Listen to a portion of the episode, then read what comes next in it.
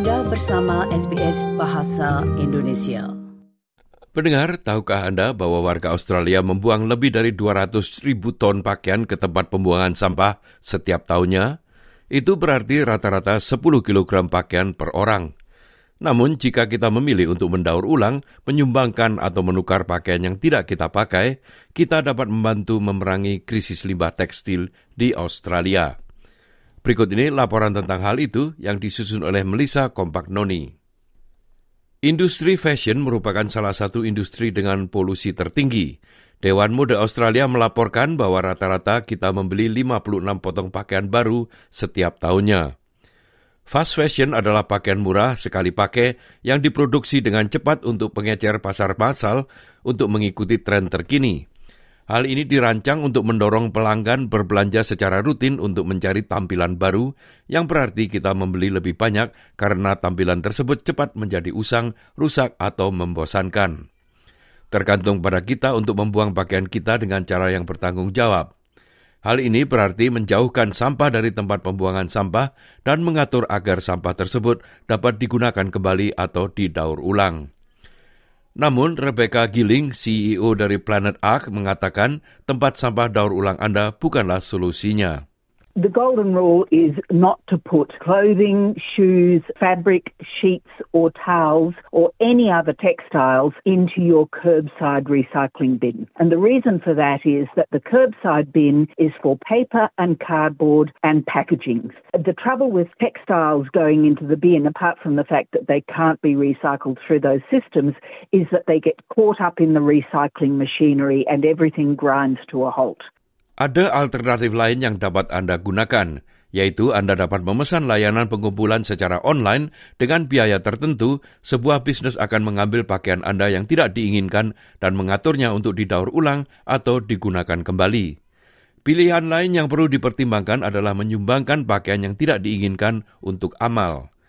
Tidak ada biaya apa pun untuk menitipkan pakaian Anda di toko amal atau yang dikenal sebagai op shop atau menaruhnya di tempat amal di distrik perbelanjaan Anda.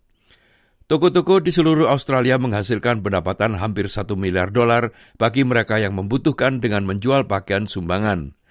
Namun, sebaiknya apa pun niat kita, kita harus berhati-hati dengan apa yang kita sumbangkan. Berikut ini penjelasan dari Miss Killing.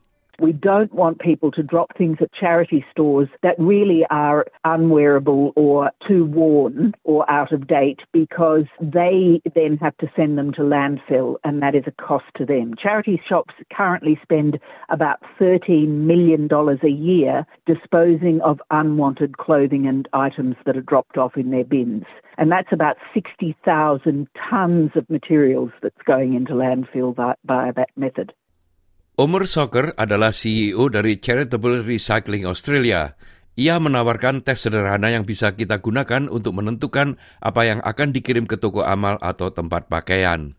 It's really important that the donations are of good quality. The way to gauge this is if you wouldn't give it to a friend, uh, please don't give it to charity. We can't accept anything that's torn, stained, or broken.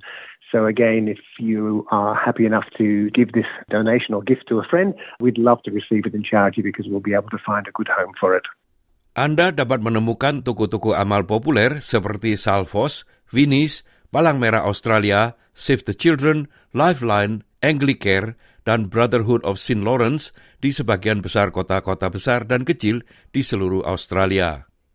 Lebih banyak lagi yang tercantum di situs Charitable Recycling Australia bersama dengan beberapa fakta tentang limbah pakaian. Berikut ini penjelasan dari Soccer.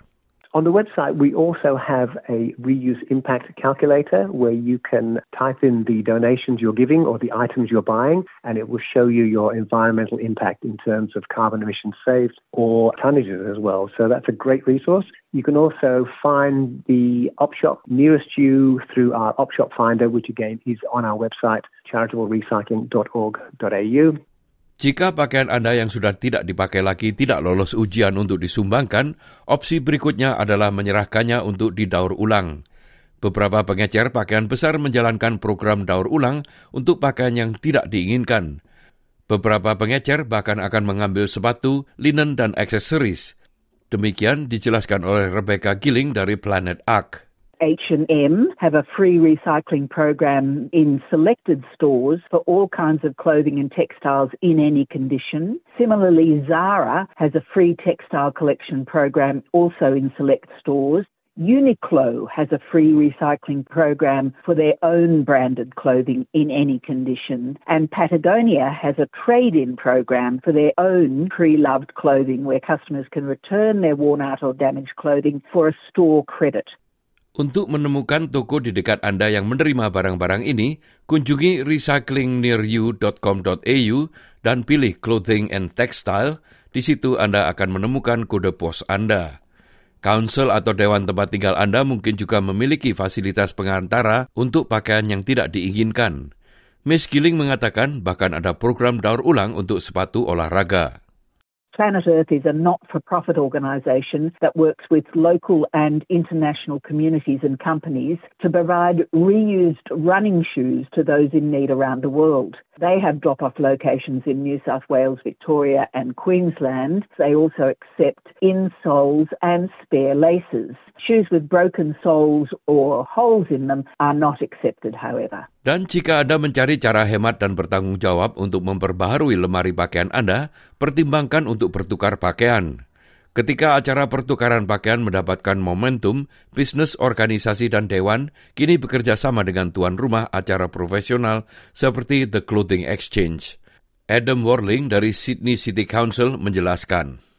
The clothes swap that we're currently doing with the clothing exchange here in Sydney is a fantastic opportunity for people to bring in clothing that may not fit them anymore or they might have just fallen out of love with it. And then there's this opportunity for you to put it on display and then other people do exactly the same thing and you get to swap. So it could be as simple as bringing in five pieces of clothing and then you can swap those five pieces for another five pieces. Anda dapat menemukan acara pertukaran seperti ini di clothingexchange.com.au. Acara-acara ini adalah pilihan bagus bagi orang-orang yang mencari cara kreatif dan bertanggung jawab untuk membersihkan lemari pakaian mereka. As much as this is a wonderful community opportunity, just as importantly, we need to be addressing the excessive consumption that we found ourselves caught in these days. It's also an opportunity for people who care about their clothing not ending up in landfill. So what we're doing is keeping clothing out of the garbage can and actually giving somebody an opportunity to love something that you once loved. Penting juga untuk mempertimbangkan keseluruhan siklus hidup pakaian kita.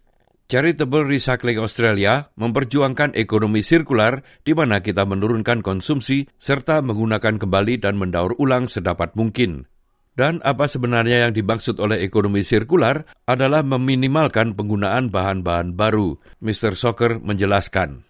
What that means for clothes is buy the items that you really need, make them last, repair them, and when it's time to let go of them, donate them to charity so they can find another home if they're in good condition, or if they're in bad condition or need to be disposed of, find an appropriate channel. So it's really about being a good steward for products taking care of your clothes and then uh, making sure that you're donating them responsibly. Demikian tadi sebuah laporan dari Australia Explain tentang memerangi krisis limbah pakaian di Australia yang disusun oleh Melissa Noni untuk SBS dan disampaikan oleh Ricky Kusumo. Sukai, berbagi, komentar. Ikuti SBS program Bahasa Indonesia di Facebook.